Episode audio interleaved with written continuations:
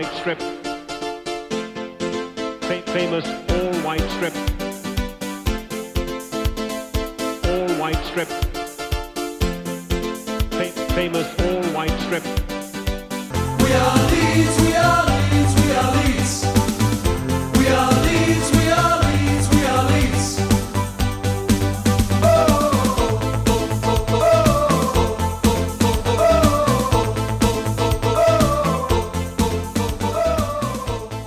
Hei, velkommen til episode 53 av podkasten White Noise. Her snakker vi om fotballklubben Leeds United, og bare det. Og podkasten er i regi av supporterklubben Luskos. Jeg er Anders Palm øh, og har i dag et litt redusert mannskap med meg. øh, Litt sånn som Leeds om dagen. Um, Sven Rune Samurai Johansen er med. Har du funnet fram skia? Ja, ski er fine fram, men ikke brukt ennå. Så det, det må jeg begynne med. For nå trenger jeg å lufte huet etter det vi har gått gjennom i det siste. Og da er det greit å kunne tilbakelegge noen mil på, på et par planker for å tenke på alt annet enn fotball. Ja, og våre to bergensboere de eh, er opptatt med førjulsstri, så de får eh, en pause i dag. Men eh, så er det jo sånn at man, eh, når man har frafall, så må man hente litt forsterkninger. Og da har vi hentet inn eh, selveste en kar fra Leeds som heter Paul Wilson. Hi Paul, how are you? Hi, Anders. Uh, Sven, how are you both doing? You all right? We are good, thank you. How are you doing over in Leeds? Yeah, good, thanks. Just getting ready for Christmas. Uh, almost there now. So the weather over here is bad, but I'm guessing it's probably probably worse where you are. Mm, Yeah, well, we have a couple of minus degrees and and some a little bit of snow. Uh, we had some snow a couple of weeks back, but uh, now it's uh, it almost gone. But then we had some snow yesterday again, so um, so it's it's looking like a white Christmas, uh, and uh, hopefully we'll have a white Christmas also in um, uh, regarding Leeds United. Yeah, let's hope so. So, what's the latest news about uh, you know Corona restrictions and everything? Um, do you think there could be a possibility that some of the games will be uh, without any um, audience? Um, well, yes, definitely. Um, it, it all seems to be more uproar in England. Um, they're trying to impose restrictions, and there's there's talk of restrictions, but the general public are not happy at all. People just want to get on with their lives and you know get things back to normal. Um, I think the general consensus is if you're scared, stay at home. If you're not, carry on. But and I think that's how we wish that that it could be treated. But unfortunately, we don't. We don't um, run the country. It's uh, Mr. Johnson, and it's his saying. I, I, I mean, I'm not massively into politics, but um, from a football point of view, um, from a United point of view, I think we've had more injuries than a lot of clubs have had coronavirus, and uh,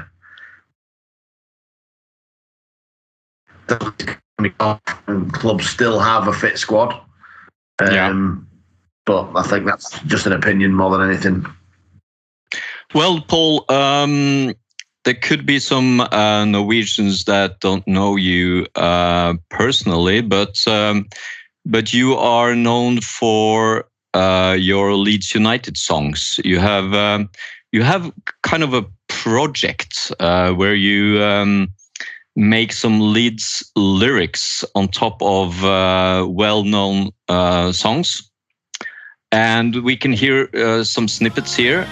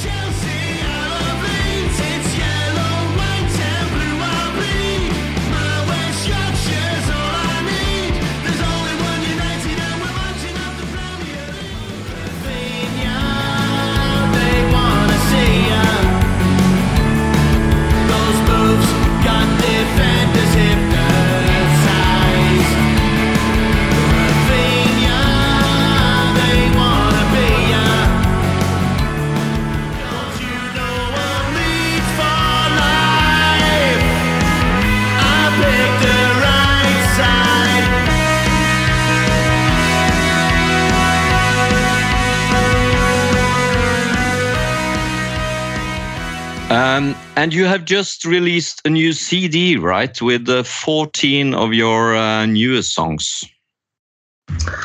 Yeah. Um, this is Leeds for Life. It's my second album. It's the follow up to the first one, which was Forever Leeds. Um, yeah, I, I've done the music. Um, I mean, if I'm honest with you, I started writing music um, to help with um, mental health issues a little bit. I was going through a bit of a bad time, and I really didn't know where I was with my own life, and I, I just found that uh, writing songs, not just lead songs, but just just doing it, um, really helped me balance myself. It helped me relax and focus and kind of just you know level my head out, if you like. Um, but then I wrote the King of Ellen Road, um, and from there, I just fell in love with writing songs, really, and lead songs and and now I think we're down. I think we've got about 30, 35 songs. So Amazing, amazing. yeah, And they are uh, they are all on YouTube, right? Uh, you have your own uh, YouTube channel. Um, if you search uh, Paul Wilson Leeds, you will find it. Paul Wilson Music um, is is the YouTube channel. It's the only one on there. Um, not all the songs are on there that we've done. Um, they will eventually be on there. Um, it's just getting them out there. We've done so many now. Um, we're just finalising sponsors and uh, obviously videos. We have to get the videos done and record the songs. But we've we've done so many now um, that we've got we- we've got like a backlog of songs waiting to come out. We we did a lot for the centenary night in Leeds, which obviously we were sad that we couldn't get you guys over for, but um, was a real success. So yeah, that that was nice.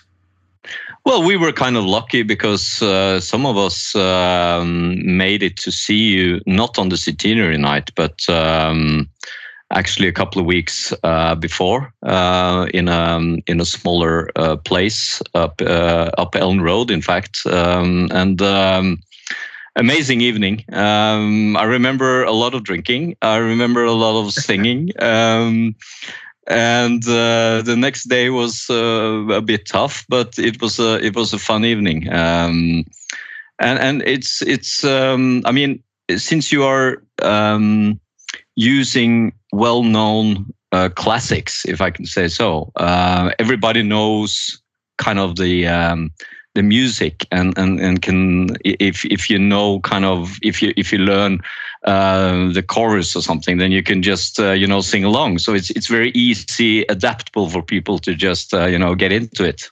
Yeah, um, we. I think I think that came by by chance really more than anything. The the first one that we did, um, the King of Ellen Road, I actually started writing that for an England song, and it was going to be to all the Yorkshire players playing for England. It was going to be like "Bring It Home," uh, Johnny Stones, that kind of thing.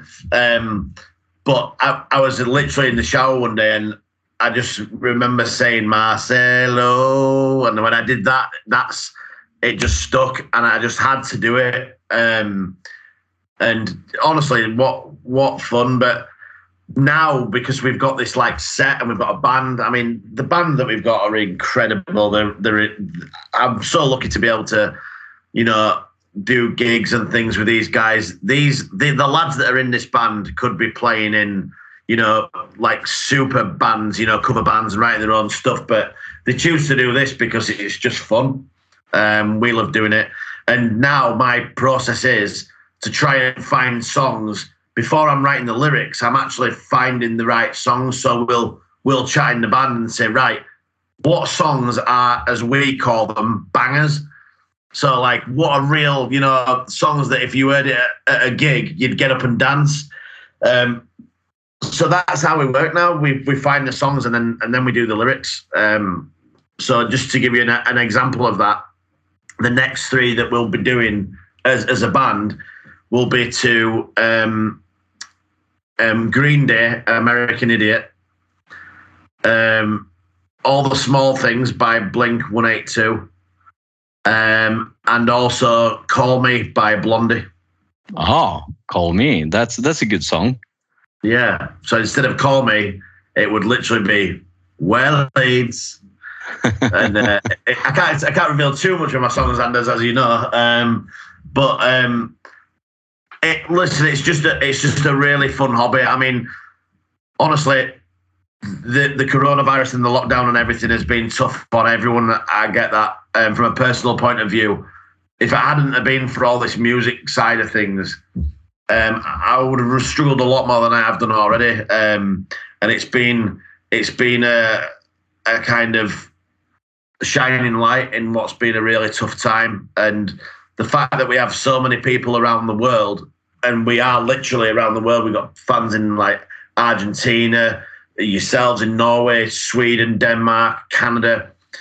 The fact that we get people messaging us like daily, you know, saying that they enjoy the music or whatever, it, it means so much, like so much um, to us.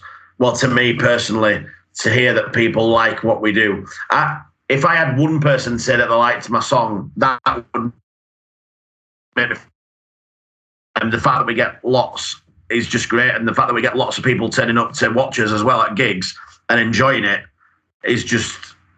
I never ever thought it would come to anything like this. So everything is just just flattering, definitely. And and for us Norwegians, I mean, you have uh, on your new CD, you have a song called Lee Boyer and Bakke, and um, um, you you you sent me some CDs, and you wanted me to to send one to to Eirik Bakke, and I uh, I sent it to him, and. Um, he just replied, you know, great stuff. Really loved the song, so he was really impressed of, uh, of all the songs, I think, and um, and um, of course I, I really like the uh, you know we beat Man City, uh, we built this city, you know, uh, based on the we built this city a song, uh, great great song, and um, and also the uh, Rafinha song is great. Leads are all over the world, you know, the status quo, uh, rock and roll all over the world. So it's it's kind of it's kind of uh, you know a good mix of, uh, of party songs really, uh, where you can sing along and uh, and also and also there are some you know we all hate Manu and uh, fuck you Chelsea and uh, so so there, there's there's some humor in it as well. It, I mean it's it's just not all um, really um, serious stuff, is it? Now, I, I, um, I've been fortunate enough through my time watching Leeds to share games with a variety of people. Um, I started going with my stepdad, uh, who snuck us into a game, um, Scunthorpe at home in the League Cup in '93, I think it was. Uh, that was my first ever game. Um, and then I so I went with his dad, and his dad George uh, used to tell us all the stories of the old players from the Revy era. He'd sit there and tell us how awful today's football was compared to the days of Don Revy, which was probably true. Um, but I, but I, I spent a lot of time going to the, ga- the games with those guys and going to corporate games uh, up and down the country. You know, having nice meals and meeting players like Gary Kelly and Gary Speed and uh, you know Noel Whelan and all these great great guys. Um, but then, you know, as I got older, I started going to the games with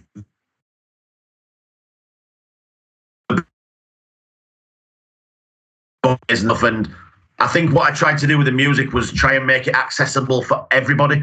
You know, try and get a song. You know, when I mean, the King of On Road was my first one, but weirdly, I don't think I'll ever do a song that will beat that because it kind of appeals to everyone. You know, even on Twitter or Facebook or things, you can see the the different type of Leeds fan, and you get the old, the young, you know, the rough, the smooth and everybody seems to like it. Whereas I don't think I'll ever do anything like that again. Um, but I do try to kind of mix it up. So I'll do ones for like older players. Um, I'm doing one to um, Born to Be Wild. Um, and that'll be um, literally um, there's only one Johnny Giles. Um, oh, cool. So you know, I, I mean, I'm trying to do the older ones, the newer ones, like the Rafinha song. You know, obviously we did that, but then you've got the ones that I've done for, um, like um, that have mentioned older players, and you know, going back to players that I liked. I did the one for Tony Aboa, Melier. Um, you know, there's, there's there's tons of them out there. I've done like three or four for Bielsa. Um, and I've just I've just one on the album as well that that I would like to say the My Ellen Road. I think it's number six maybe. Yep, Uh, yep, that's number six.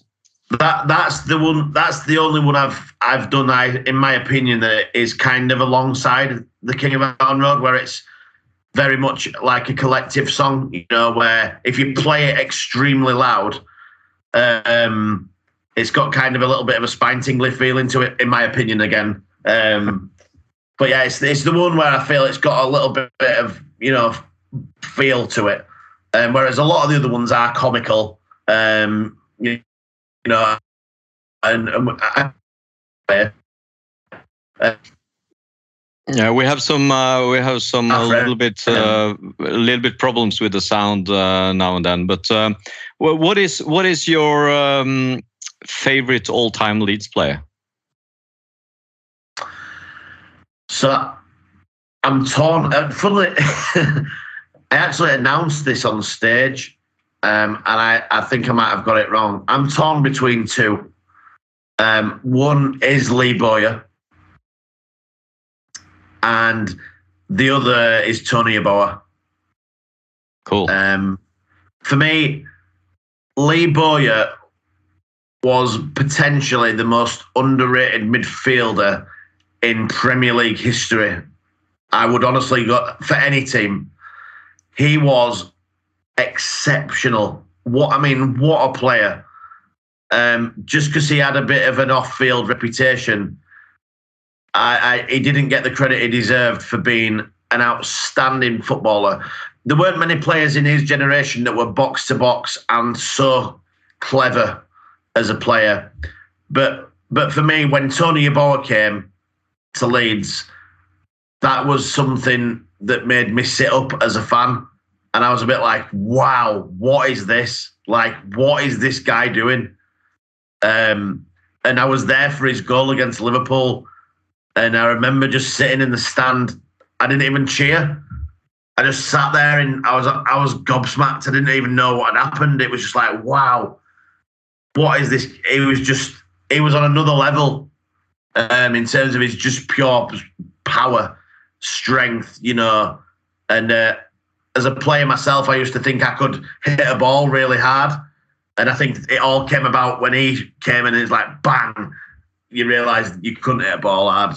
You were no Tony Yeboah. So A pity, a pity he didn't play um, longer for Leeds because uh, I think he he he he was there for two seasons, right? He played like sixty plus games or something. Um, but but uh, he really should have stayed longer. Uh, he had some years in in in Germany afterwards in the Hamburger Sportverein, but uh, he could have um, he could have stayed longer for Leeds because he he was such a you know he played with a certain flair. You could just you know love those goals. I mean he it, it wasn't just goals. It was like it was like. Um, it was like art, you know. It's uh, you you couldn't you know there's there's not been you know any goals like that afterwards. It's just been like uh, very very special those goals. Um, I mean, he scored against Wimbledon as well. You know, one of those um, uh, hard hitters. But um,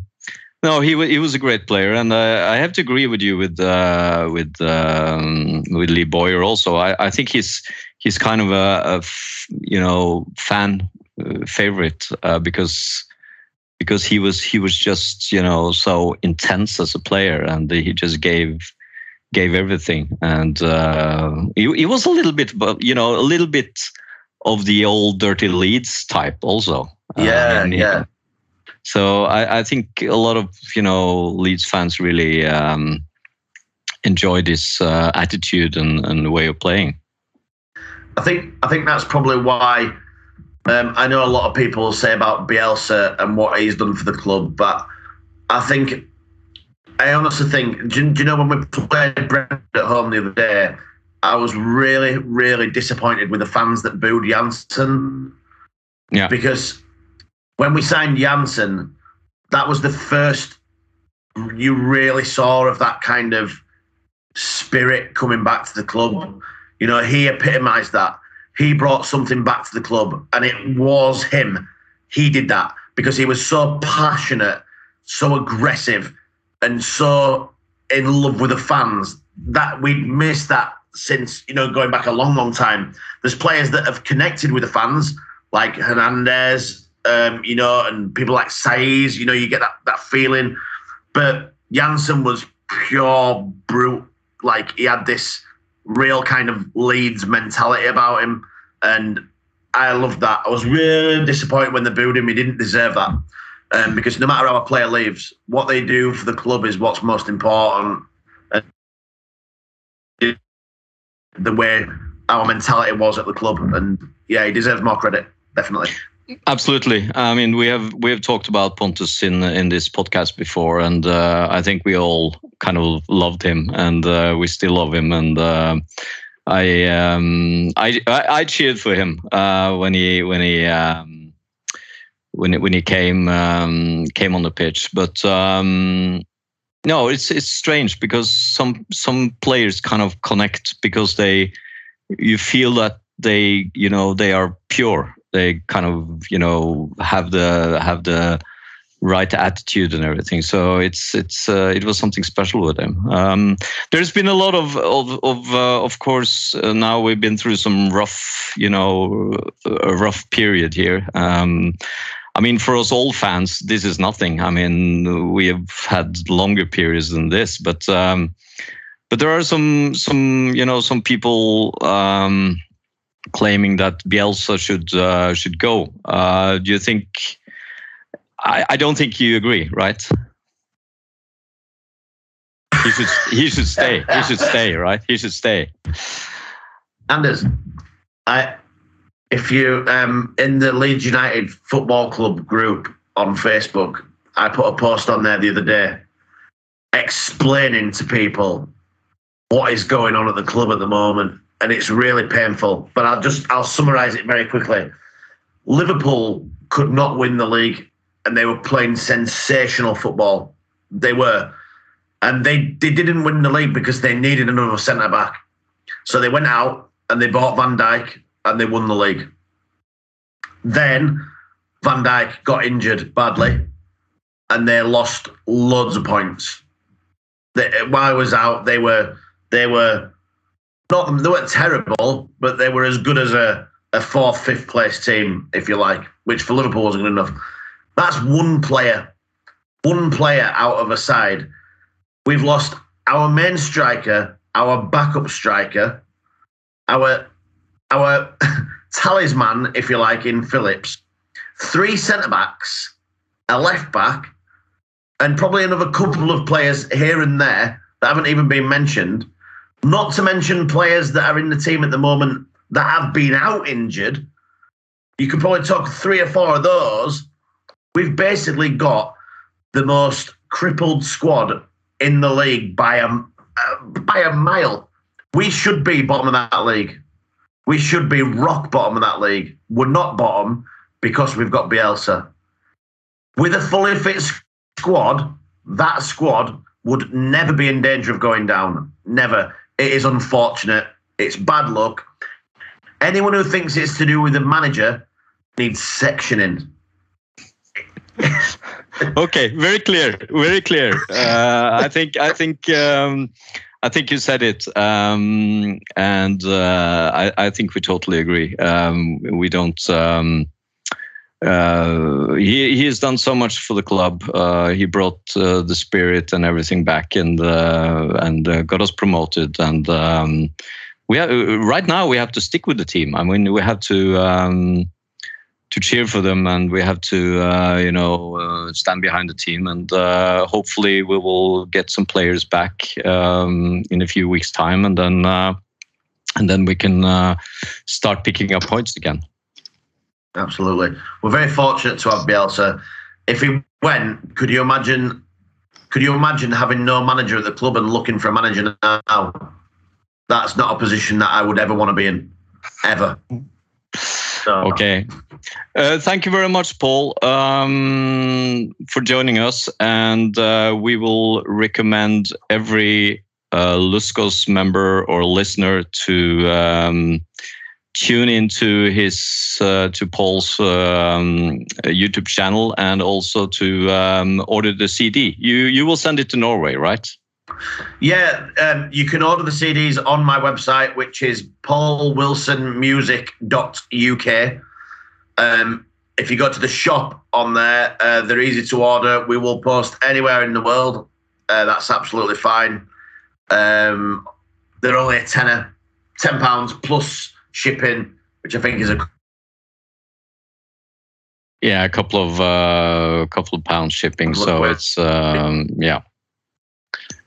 That's that's um, it's enjoyable listening, and I will recommend uh, the CD. So uh, thank you, Paul, and uh, we hope to see you in Leeds in the new year. Um, hopefully, uh, we can be back in. Um, at least for the games in February. I'm I'm not sure about the January games, but uh, we'll see. Um, there's only one one one home game in January. I think it's the Newcastle game, right? What about Uh, Man City at home in April? Yeah, uh, we will be there. I know that you will have your um, concert then, so I have um, I've ordered plane tickets, and uh, I absolutely hope to be there, and uh, and that uh, I could be joined by. Um, a, a bunch of crazy Vikings coming over to sing their uh, hearts out with uh, with your songs. Yeah, That's what I want. Well, you will be VIP guests um, if you come, which means nothing. It just means yeah. we can we can we can meet meet you backstage, right? And, outside, uh, outside of anything you want. yeah, yeah, yeah, yeah. Splendid. Okay, thank you very much, Paul, Cheers, and guys. have a have a good Sven. Christmas. Have a good Yeah, Christmas. you too. Have a have a nice Christmas, guys. Happy New Year. Happy New Year, Happy New Year. Bye bye. Bye. Um, ja, det var uh, Paul Wilson. Uh, hvilken herlig type, uh, Svein Rune. Ja, det er en ordentlig gladkar. Og ja, musikken hans også anbefaler jeg sterkt til lystig lag. Så, så er det mye sanger som er enkle å nynne til. Man skjønner ofte melodiene, i hvert fall, og tekstene kommer fort.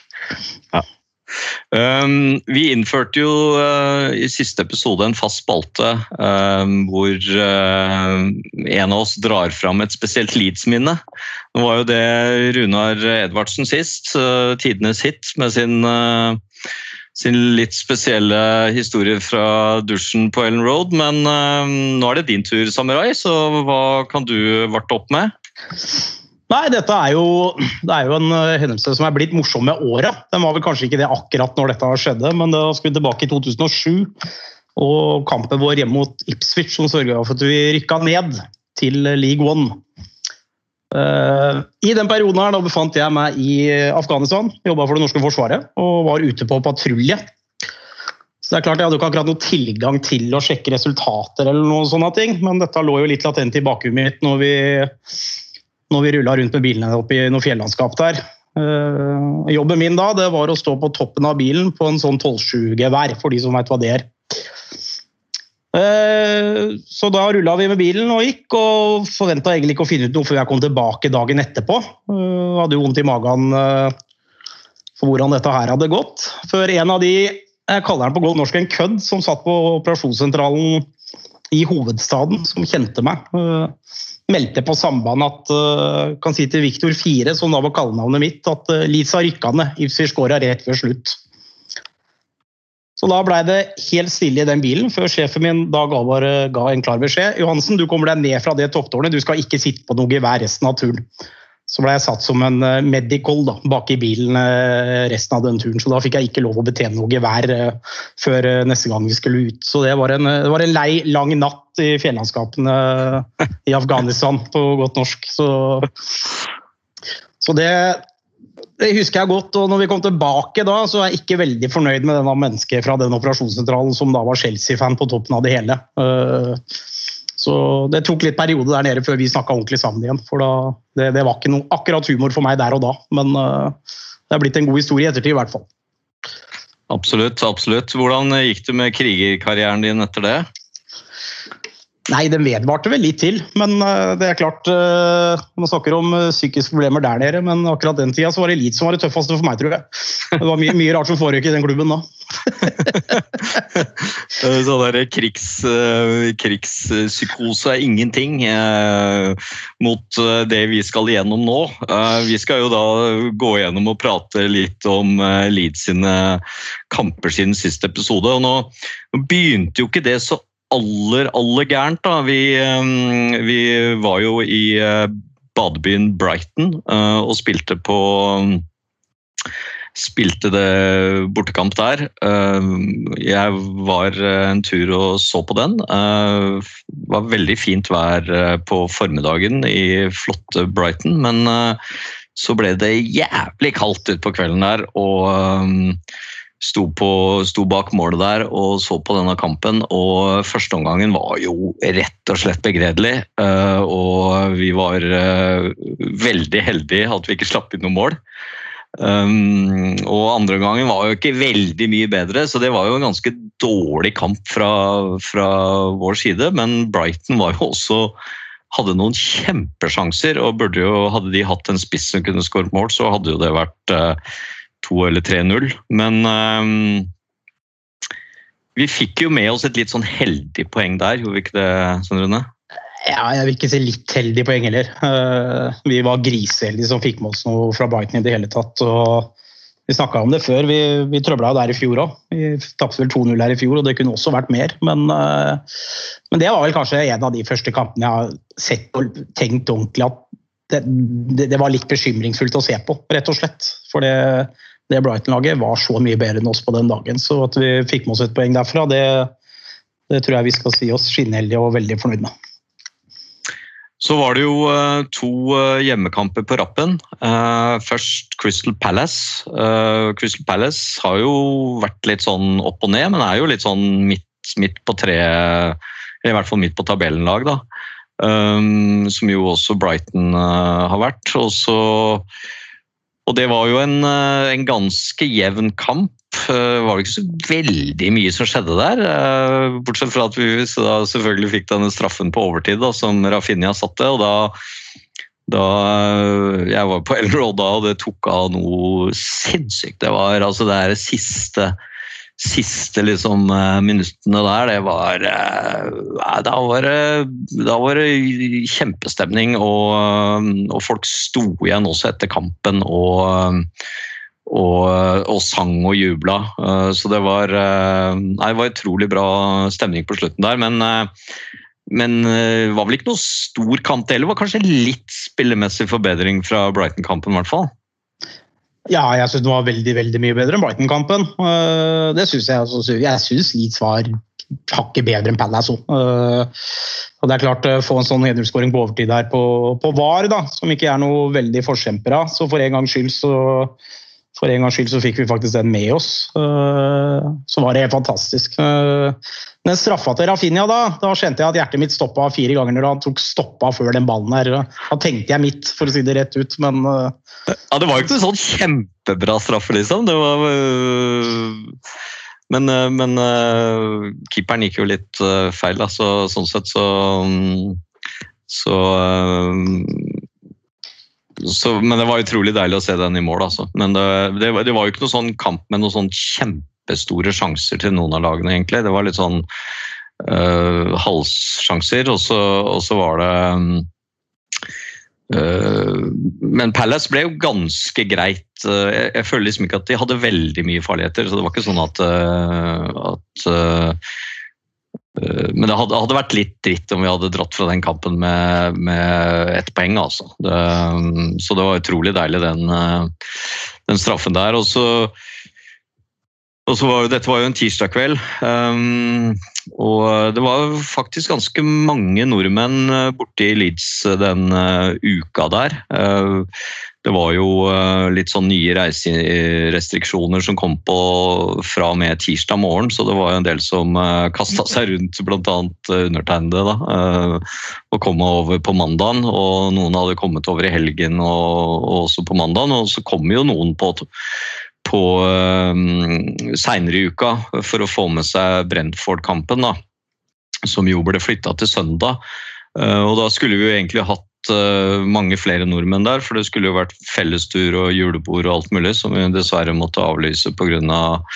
disse nye restriksjonene. da. Um, og Brentford-kampen var jeg jo litt sånn spent på, for Brentford har jo, har jo vært ganske gode i noen kamper. De starta jo veldig bra og har liksom uh, hatt en sånn derre liksom fighting spirit uh, og, og, vært gode. Um, så var det jo Pontus Jansson da, som var tilbake, uh, som Paul nevnte. Han fikk jo ikke noe sånn kjempemottagelse akkurat. Um, men var jo god i den kampen. Um, men um, der fikk vi jo endelig et Tyler Roberts-mål, da.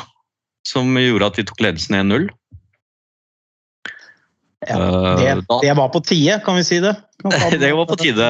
Da, da, da, følte jeg litt sånn at dette her er en kamp vi kan vinne, liksom. Ja, men jeg syns uh, Første ti minuttene i den matchen synes jeg det virka litt shaky, og så syns jeg bare Leeds tar over mer og mer. og vi, Jeg syns egentlig vi er veldig gode. Og kunne få to der ved Ailing rett etter pause. så vi kjører den kampen, og så er det vel Philips som må ut for en behandling på en skade, og da begynner vel kvarter med et fullstendig kaos i det Leeds-laget. Hvor eh, Brentford får to skåringer, da, og snur det. Og den kampen syns jeg faktisk at vi er gode store deler av, med unntak av det kvarteret. Som eh, det blir helt kaotisk utpå der, og det henger ikke sammen. Og Brentford er ikke noe kasteball heller. Og det har jeg sagt fra dem ikke opp. Det husker vi fra Championship. Det var et bra fotballag, men egen stil og vel fortjent at de har gått opp. Så det er klart, men vi skaper jo veldig lite mot slutten der òg, eh, syns jeg. Vi skaper liksom ikke de store sjansene etter Brentford får to igjen, før vi får denne dødballen på overtid, da når Bamford uh, kommer inn uh, siste touch på ballen og kneer via tverrleggeren i mål, vel. Ja. Og pådrar seg en skade i jubelen, selvfølgelig. Bare for å toppe det hele. Ja, for det var vel faktisk en corner, det, som vi fikk på slutten der. Uh, og så står han uh, helt på bakerste. Og da, da, tok de også Jeg, jeg sto faktisk på Southstand, på den, uh, så det målet var jo rett, rett, foran oss. Så det var jo Det bare ramla folk nedover der. sinnssykt stemning der da. Altså. Det, det var nesten som, som et seiersmål, altså. det føltes jo litt det, for det er klart vi vi slapp inn de der to måla, det var vel, eh, det vel innafor ti minutter, var det ikke det, de to måla? 54 eh, og 60 eh, et eller annet? Ja, jeg tror det var 54 og 62 eller noe. ja, ikke sant? Så det var, så det var liksom, det var innafor ti minutter der, og da, da føltes liksom bare alt bare som du sier, det rakna litt. Um, og, så, og, så, greide vi liksom ikke å få noe sånn ordentlig trøkk den siste halvtimen. Men, uh, men så ble jo Uh, altså Bamford kom vel innpå Ja, hva var han kom inn på? Var det, uh, det var ganske seint, sånn 70 minutter type ish. Det var i hvert fall etter, etter den 2-1-skåringa deres. Han kom inn i 60-80. minutt, kom han inn, og de gikk opp til ja. 2-1 i 61, så ja. det stemmer. Ja. Uh, ja, det er klart Han gjorde jo ikke så mye, han heller, med unntak av å skåre. Uh, det holder i massevis for meg, det. Det skal jeg innrømme. Men uh, men det, det også er litt som jeg synes de siste ti kvarteret. Vi har jo ballen, men vi, vi skaper jo egentlig veldig, veldig lite.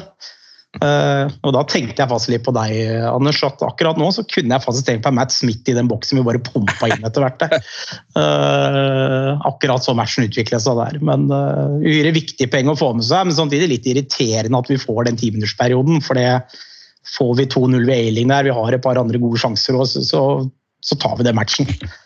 Ja, for Det ble jo litt sånn der klabb og babb, følte jeg, med den perioden der med liksom øh,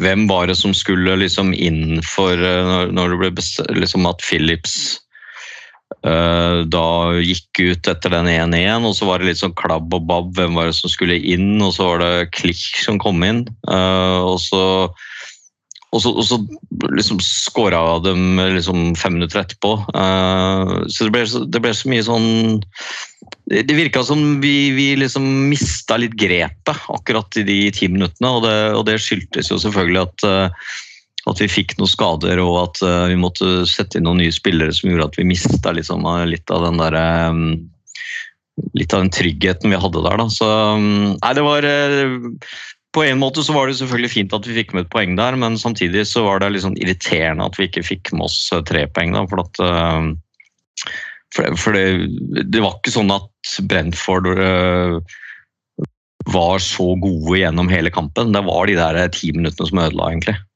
Ja, helt klart. Så syns jeg Leeds hadde god kontroll og var det beste laget i den matchen. Så, og det er klart, Da visste vi jo de tre neste kampene skulle komme, så vi snakka litt om det at tre poeng der mot Palace var, var viktig. da, eh, Å Ja. få med oss egentlig ut fra de matchene. Ja. Men, eh, men når ting blei så dårlig, så får vi vel si oss fornøyd med et poeng når vi skåra med kneet på siste sparket på ballen. Ja, for da fikk vi jo med oss fem poeng da, fra de tre kampene ikke sant? mot Brighton, Palace og Brentford. Og det var vel det vi snakka om, at øh, vi måtte i hvert fall få med oss uh, uh, helst kanskje seks, da. Men, men øh, men så, så, så dro vi jo til, øh, til Stamford Bridge, da. Og, Chelsea Klart at Chelsea har jo vært gode i år. Um, de har liksom ligget i, toppen der og spilt uh, mye bra fotball. Um, og så er jo det en kamp som uh, jeg føler vi, vi matcher Chelsea hele veien, egentlig. Og så er det disse her og, når Gellert skårer uh, og går opp til, vi går opp til 2-2 der, vi tok jo ledelsen 1-0, og så skåret Chelsea to mål, og så, og så går jo Gellert uh, får jo en, en pasning fra Rafinha der og, og setter den inn. Og så tenker jeg liksom at nå får vi med oss et poeng her, og det er fullt fortjent. Og det hadde det vært òg. Da, da tenkte jeg faktisk denne matchen, den, den kan vi ta. Eh, så var det for øvrig Roberts som ga det pasninga, ikke Rafinha. Men, Nei, stemmer det. Det Roberts. Men eh, da tenkte jeg faktisk at nå, hvis noe lag skal vinne, så tenkte jeg at den, den her kan vi jaggu ta. Og jeg hadde ikke så veldig trua før det matchen med tanke på skader og det vi hadde. Eh, og så kom jo denne straffesituasjonen, da, som eh, Ja, jeg, jeg er jo aldri enig med dommere. Eh, og jeg, jeg forstår ikke at det skal være nok til å blåse straffe. Det er så vidt kontakt. Mannen er to og en halv meter, og han detter jo som en potetsekk. Eh, han får den straffa, og så blir det 3-2-tap med denne påfølgende håndgemeng ut på banen der på overtid. Da, da kokte det greit i topplokket mitt der jeg satt og så på hytta mi i Hemsedal. Det skal jeg ærlig innrømme. Da, da var det rimelig ampert fra meg òg. Ja, for det var jo det Gellert-målet kom jo etter 83 minutter, ikke sant? Og, og um, såpass langt ut, uh, eller mot slutten, og vi jeg følte liksom at uh, vi, vi satt vel inn Cresswell på slutten der også, for å liksom uh, prøve å holde litt unna defensivt. Og så, og så er jo? Det er jo en feilvendt spiller, uh, og, og Klich går liksom Han prøver jo å sparke bort ballen og er liksom så vidt borti den, da, men så er det jo innafor så er det jo innafor 16-meteren, og det altså jeg, jeg, jeg føler liksom at det er, det er noe av det som skjer før der òg, som gjør at de kommer inn i 16-meteren. Som jeg føler at uh, også vi burde ha kunnet unngått. Da. Jeg, jeg, jeg tenker liksom noen, altså noen ganger så føler jeg at, at den Bielsa-stilen hvor vi skal på død og liv spille oss ut hele tiden altså, istedenfor å bare måke ballen vekk.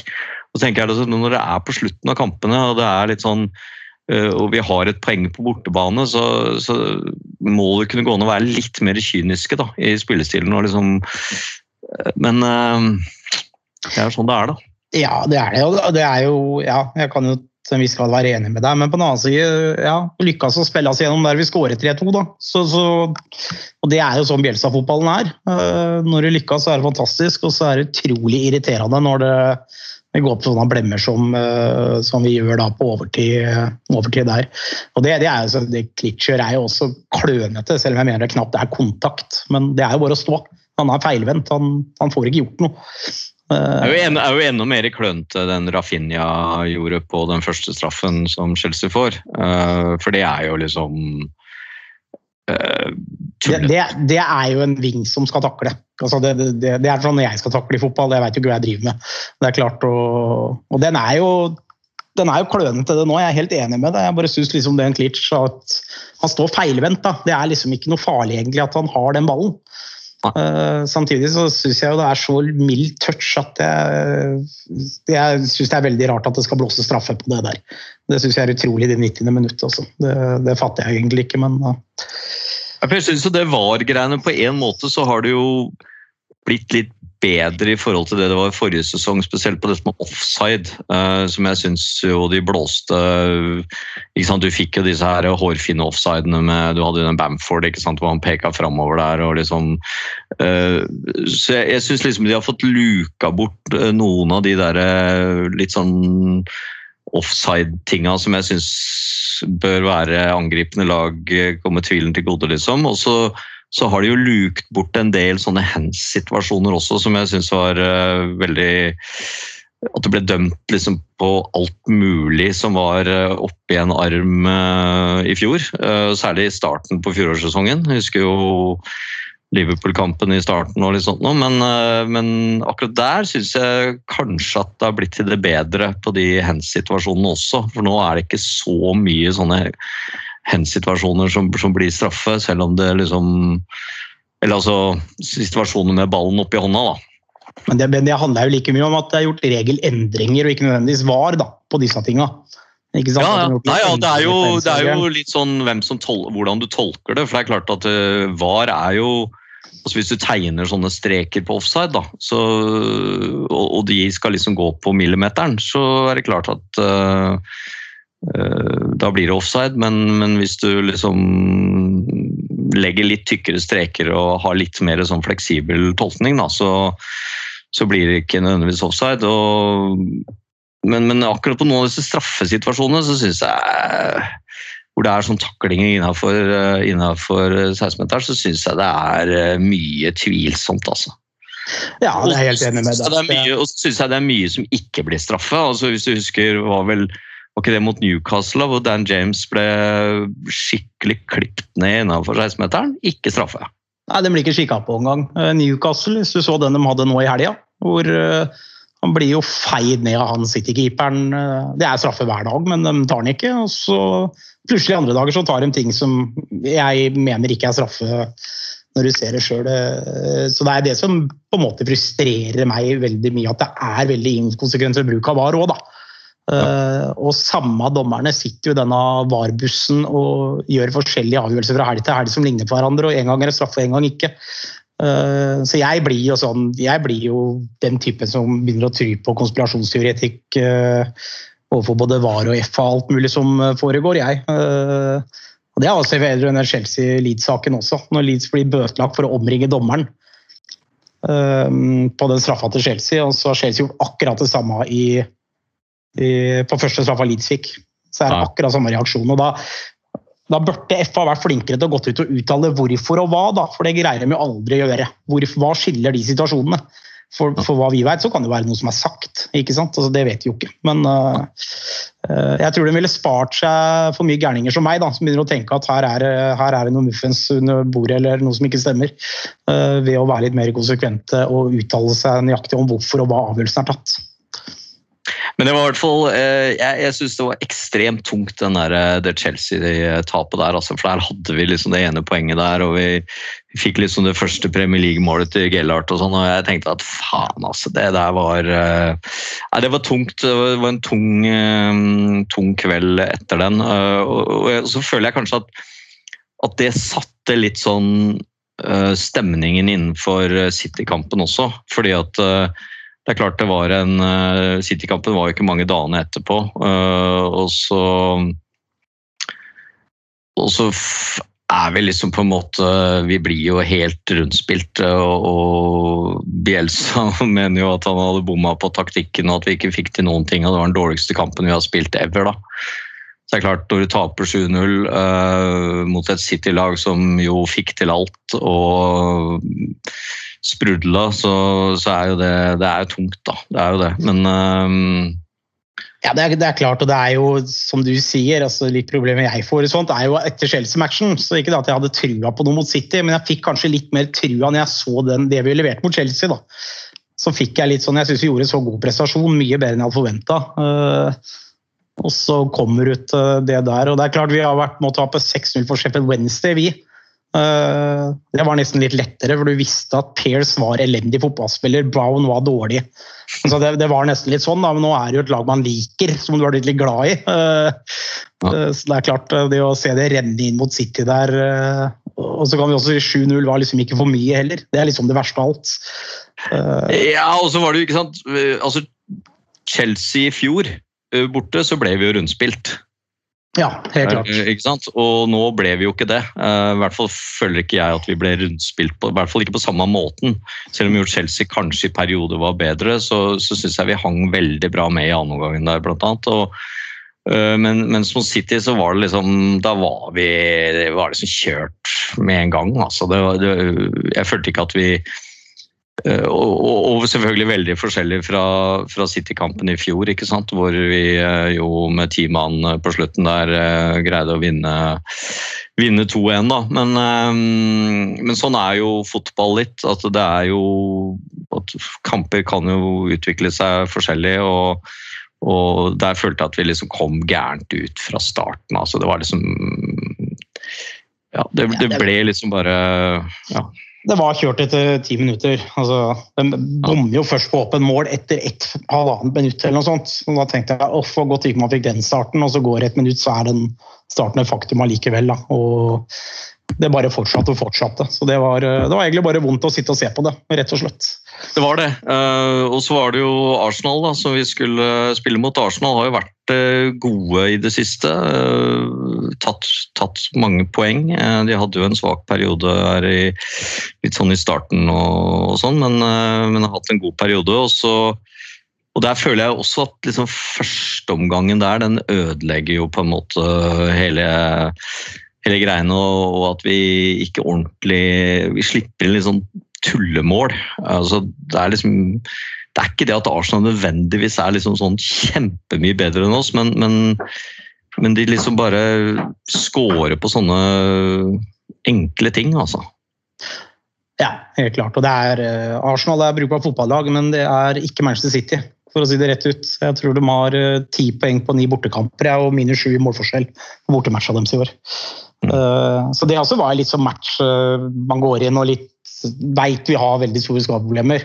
Og så jeg lagoppstillinga og tenkte det er ikke så halvgærent allikevel. Og det Arsenal-laget er mulig å hamle opp med. Men eh, det er klart, det var vel tre minutter så hadde de to store 100 %-sjanser, og så det fortsatt vel i første omgang. Det var, det, var, det var helt forferdelig, for det hang virkelig ikke sammen. Og jeg syns det var enda verre enn City-matchen, nesten. For det var ikke, veld, det var ikke nødvendigvis fantastiske enkeltprestasjoner av Arsenal-spillerne. Det var liksom en pasning til høyre, og så, så var det vi åpent og igjennom. Så Og så var vi jo veldig uheldige vi var jo veldig uheldige i forkant der, for at Lorente ble jo sjuk. eh, Mest sannsynligvis eh, korona, selv om ikke det har gått ut og sagt det. Så ble jo han sjuk, og så ble vel Cresswell skada på treninga dagen før kampen. eh, Hvor en spiller, medspiller hadde landa oppå han, så han hadde skada skulderen eller noe sånt. ja, vi skulle dra ut av ledd eh, rett før treninga var slutt, visstnok.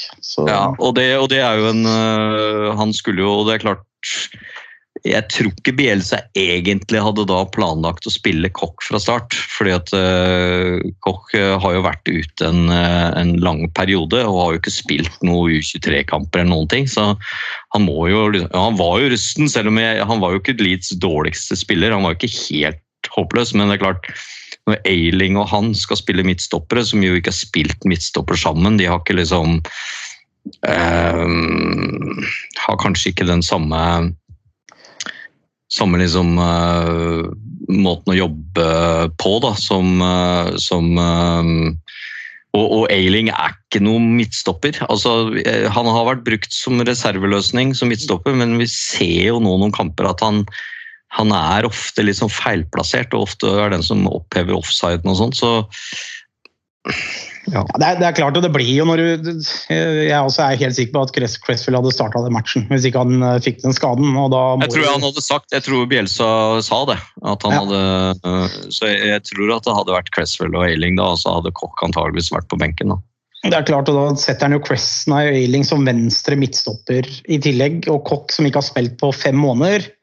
Eh, Så får du da en eh, Cody Jamu ut på høyrebekken der. Eh, Stakkar, han fikk jo en tøff debut. Eh, Og Dallas ut på venstre. Det er klart, måten vi spiller på, så er det klart det også er en stor utfordring. At vi, vi må rullere om de som er friske overalt på den banen.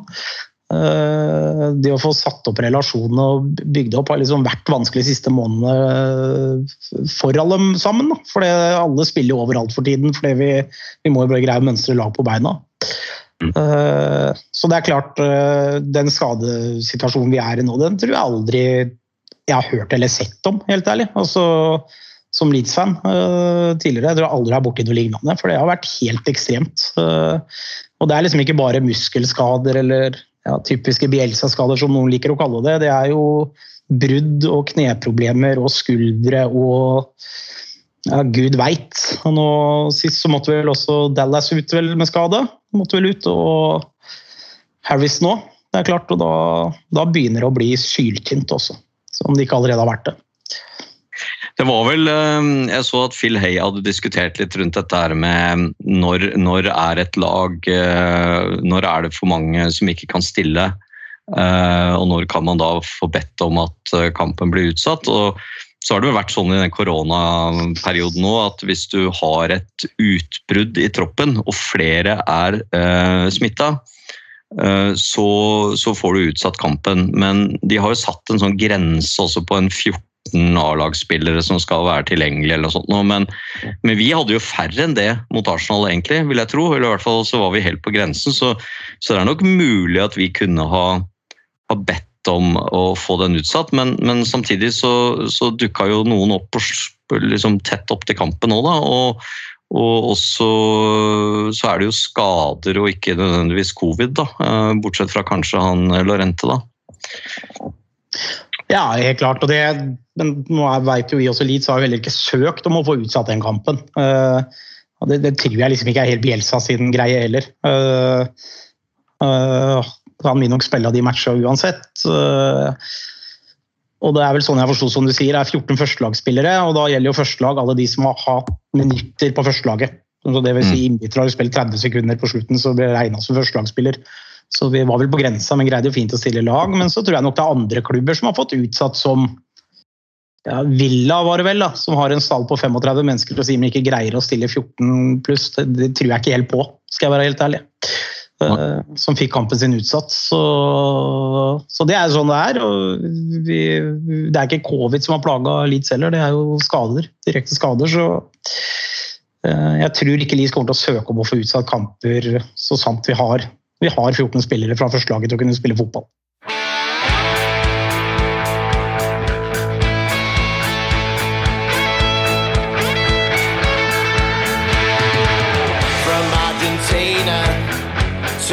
Yorkshire comes the man to end our years of torture.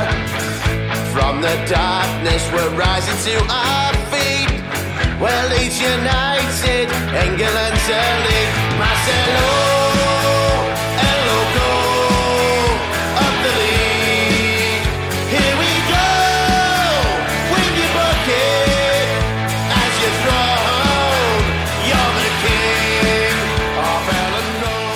Så hvordan snur vi dette da, Svein Rune? Skal vi eh, satse på at eh, det er eh, skadesituasjonen som på en måte må eh, bli bedre for at vi skal kunne greie å snu det, eller eh, har vi eh, Nå har vi liksom eh, Liverpool eh, andre juledag, da, som jo eh, på Anfield, som blir eh, Som vi vel ikke kan regne med å få med oss noe særlig fra.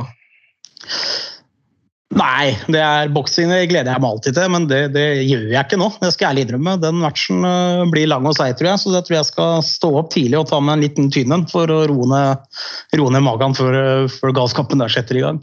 Ja, for det er vel tidlig kamp halv to eller noe sånt? er ikke det? Jo, jeg tror man sa tidlig kamp, og kanskje like greit. Så blir man fort ferdig med den.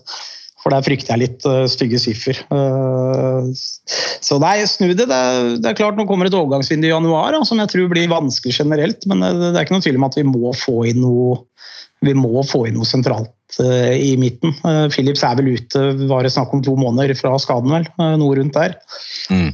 Eh, Det er klart, og der har vi trøbla tidligere. Forshaw har jo vært en Mitchell har rett, han har levert mye bedre enn jeg forventa etter skaden, men han har ikke spilt fotball på to år, han heller.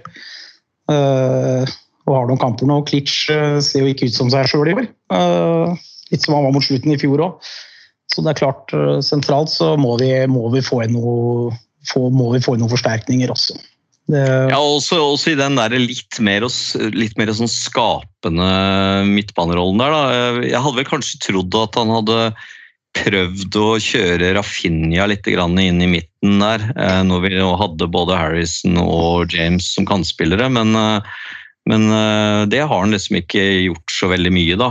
Selv om jo Rafinha trekker litt inn og av og til spiller litt sånn i den type rolle, så er han liksom ikke Han er kanskje ikke den typen heller som vi er ute etter, for vi, vi trenger jo en som kan jeg, jeg føler at vi trenger en sånn litt sånn fysisk eh, sterk person, samtidig med en som kan som kan liksom holde i ballen litt, styre spillet litt eh, og ha noen sånne gjennombruddspasninger og noen sånn eh, og, og kan være med også på, på litt sånn løp framover, da.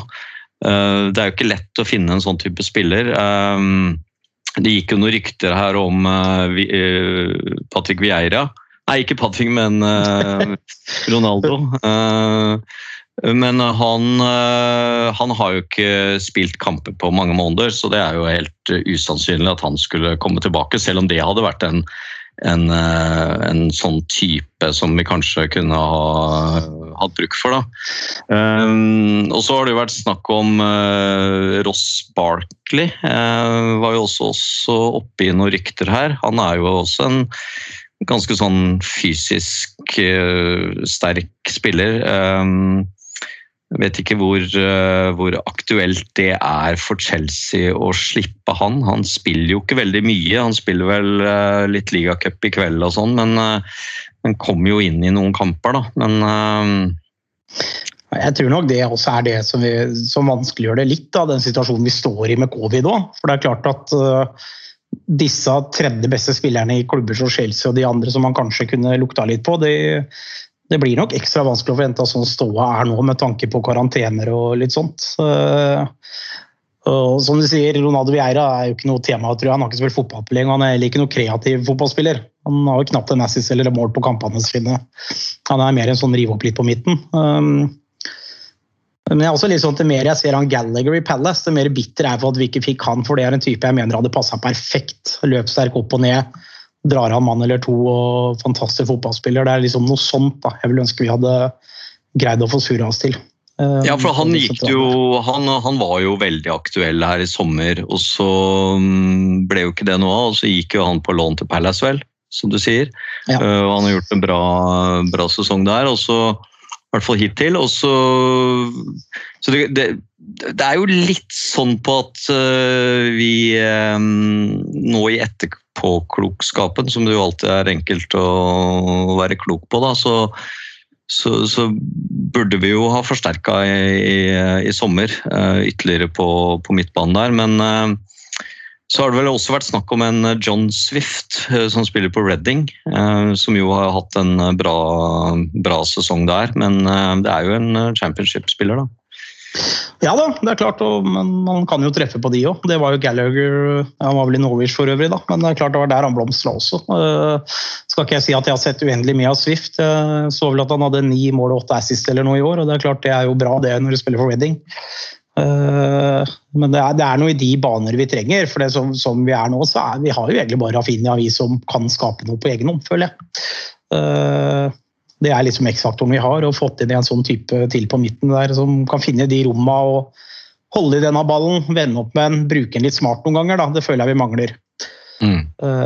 Det er liksom litt drømmescenario å få inn en ordentlig sånn sentral midtbane eh, nå i januarvindu. Og, og det burde vi gjort i sommer, og det var vel alle enige om uten Leeds sjøl. Så vidt jeg husker dette, så var vel alle snakka om det at vi måtte ha inn noe mer sentralt. Um, Ja, og så kommer jo, kom jo liksom på en måte James da, eh, helt på slutten der, som jo vi kanskje tenkte at vi egentlig ikke trengte en, en, eh, en kantspiller til. At det var viktigere med en midtbanespiller. og sånn Sånn I ettertid så var jo det selvfølgelig Selv om akkurat nå så har vi jo ikke så mye kantspillere heller, da, i og med at han er skada også. Men, men eh, Nei, vi, vi, eh, vi, vi får se da, hva som eh, kan bli aktuelt her. Men eh, Når, eh, når Phil Hay sier at han tror at det blir eh, forsterkninger på midtbanen, så eller i hvert fall én, da, så, så tror jeg nok at eh, det at de jobber med det for å prøve å få inn en. Og så får vi se hvem det i så fall blir. Det må jo være en som, som kan eh, Og det sier jo Bjelsa, det må være en som kan gå inn i laget eh, og, og forsterke det eksisterende laget. Og da må det jo være en som er bedre enn enn en Klich og andre, da. Eh, ikke sant? Så, så vi får se. Um, vi, vi, snakket jo litt om Liverpool-kampen. Uh, Liverpool spiller jo faktisk uh, ligacup kvartfinale i, kveld mot uh, Leicester, og jeg ser at de stiller et ganske B-preget mannskap der. Med mange, mange ungspillere, pluss noen som har vært litt sånn ute. Så er det som Henderson og Chamberlain og og han der Mina, Minamino og Firminio og sånt. Og så Leicester stiller et relativt sterkt lag. Så det er det 2-3. altså Leicester leder uh, når det er 70 minutter, men nå har nettopp Jota skåra, eller gikk opp til 2-3 da, med Jota. Så vi får se hvordan det ender, men det virker jo som de i hvert fall har spart en del av spillerne. da. Ja, de har en nok. Og det er klart Ligacupen er vel ikke det de satser på. Og de er jo pokka nødt til å vinne nå når de ga fra seg penger mot eh, Tottenham. Så jeg tror vi møter et, eh, et Liverpool-lag eh, boxing day. Ja. Og så skal vi møte, etter planen, da, Aston Villa 28.12. og Burnley 2.1. Det er to hjemmekamper som også mange nordmenn hadde tenkt å dra over til, men som det nok blir ikke så veldig mange som er der. Eh, men, eh, og det er ikke sikkert det blir noe særlig publikum heller, som vi hørte Paul snakke om i stad. Det er jo litt sånn rykter på gang om at at det kan bli noe, noen kamper for tomme tribuner. I hvert fall så gjør de det i Skottland og i Wales og sånn. Så, men, men, Villa Burnley er jo Villa har jo tatt noen grep i det siste. Fått inn nye manager og sånn, så vi får se hvordan det, hvordan det går. Burnley er jo et lag vi bør ta poeng fra. Ja, det er absolutt. Og de er vel fem poeng bak oss nå med tre kamper mindre spilt. Eh, så det er ingen tvil om at Dømberley-kampen må vinnes. Og Villa hjemme også er jo absolutt mulig å vinne. Selv om de har fått en litt ny vår nå under eh, Gerrard, så føler jeg på en måte at det er to lag vi skal kunne plukke poeng fra hjemme. Eh, men nå er det også spenningsmomentet. Hvem, hvem har vi som kan spille disse kampene? Hvem er tilbake, hvem er ute? Og det er klart uh, Vi må i hvert fall få inn to-tre spillere til også tilbake fra skade for akkurat det som er klart å mønstres nå. For å, for å kunne stille, stille, noe i de kampene der. Altså Trolig er vel altså Firpo sona jo fem gule kort mot uh, Arsenal, så han er jo tilbake igjen. Um, og så vet jeg ikke hvordan det er med Cresswell, eh, hvor, uh, hvor, uh, ille den skaden hans var der. Men det ser jo ut som Lorente, da, hvis han Det som ble sagt, var at han er sjuk og var ute i ti dager. Det kunne jo høres ut som korona, da, som vi nevnte i stad. Og da, da, er det jo ikke sikkert at han er tilbake mot Liverpool heller. Og så er det Men at han kanskje kan bli aktuell mot Villa, da. Hvis han, I og med at han bare er sjuk og ikke noe mer Ikke noe sånn skade sånn sett. Uh, og så er det vel sagt var vel en dead leg, så det er vel noe som også skal være mulig å Ja, og så vet jeg ikke Bamford, jeg vet ikke hvor, uh, hvor den strekken han fikk på feiringa, hvor, hvor, liksom, hvor uh, lenge det er snakk om der, og James også, hvor, hvor langt det er snakk om. Cooper tror jeg er, er en stund. Eh, virket det sånn.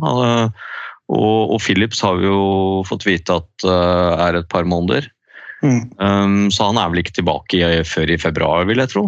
Nei, helt riktig. Og da Det er klart, Strojic vet jeg faktisk ikke helt uh, Vet ikke om du skjønner mer til det, Anders, men uh, Nei, det har vel ikke vært snakk om så veldig mye på, på Strojic hvor, hvor, lenge han liksom er ute nå, men uh, men jeg, eh, nei, jeg er litt sånn uh, i tvil om uh, hvor mange som egentlig liksom kommer tilbake eh, til Liverpool-kampen, da, bortsett fra Bortsett fra eventuelt Firpo.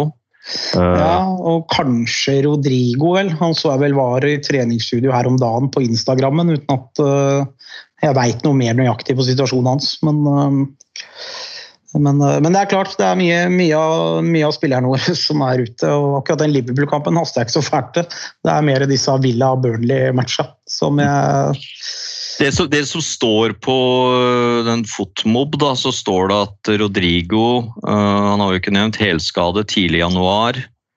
Uh, Bamford strekkskade sent desember. Uh, så det kan jo hende at han kan bli aktuell mot Villa. Struik hofteskade sent desember. øh, Cooper strekkskade sent desember. Phillips, som vi snakka om, februar. Uh, Shackleton, Akilles sent januar. Uh, Lorente. Covid står det faktisk her, da. Mm. Sent desember, så han er vel kanskje klar mot Villa, da. Ja. Og James tidlig januar, strekkskade. Og Cresswell skulder ut av ledd sent januar. Ok, Så det kan hende at den skulder ut av ledd er litt mer alvorlig da enn det vi trodde. Ja, skuldra ut av ledd kan jo, kan jo få bli alvorlig òg, den. Altså, hvis ikke den smekka så på plass med en gang. Og så er det jo mange som får problemer med den etter det òg. Så, så, så det er klart eh, Det er jo det er som et feltsykehus på tolv parts for tida. Så vi får virkelig håpe at eh, vi får tilbake Solli dette her i slutten av desember og januar også, til de matchene som kommer der, for den blir viktig.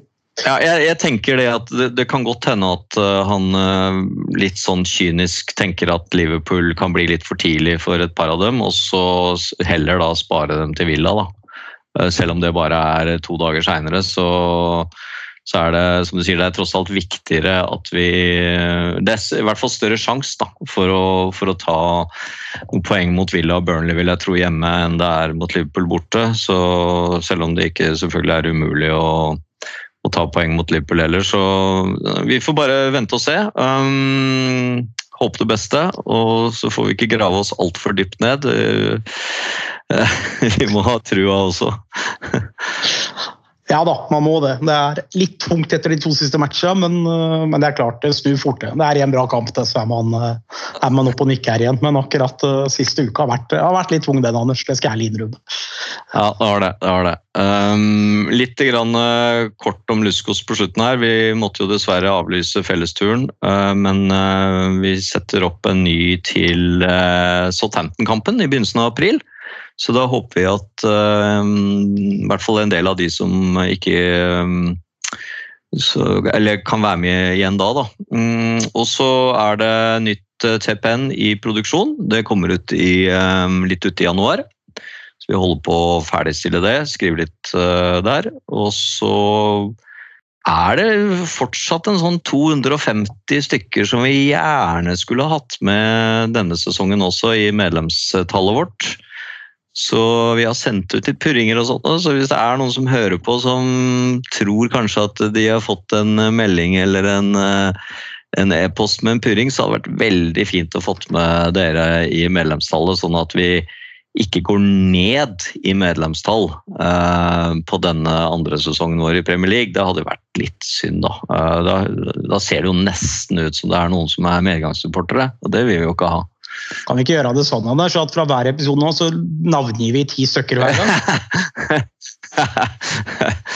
ja, nei, vi får, være litt, uh, vi får være litt greie. Vi får ikke kjøre sånn altfor mye som gapestokk, men uh, men vi får bare oppfordre folk til å, til å sjekke det ut, det da. Og så satser vi på at vi at vi har med oss eh, flere fra laget vårt også her i podkasten neste gang. Jeg regner med at eh, eh, Tidene sitt og eh, Monsen har fått eh, feira ferdig jul og fått unna julestresset. Og så, så er vi jo tilbake i januar, vi, vet du. Og så får vi se hvordan det har gått eh, fram til det, da.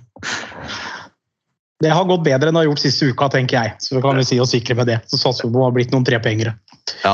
Og så ønsker vi alle god jul og riktig godt nytt år, og til deg også, Svein Rune. Og så får dere sjekke ut eh, Paul Wilson eh, Music, eh, for de av dere som ikke har gjort det. Det er, det høyner humøret litt å høre på hans, hans musikk, altså. Det gjør det. Definitivt. Det anbefales sterkt. Han finnes også på Spotify, for de som bruker det, så der, Har jeg en dårlig dag, så kan det hjelpe meg noen ganger, det også. Det er på med Paul Wilson i bilen, så, så letter det litt med en gang. Det er veldig bra. Ha det bra. Ha det bra.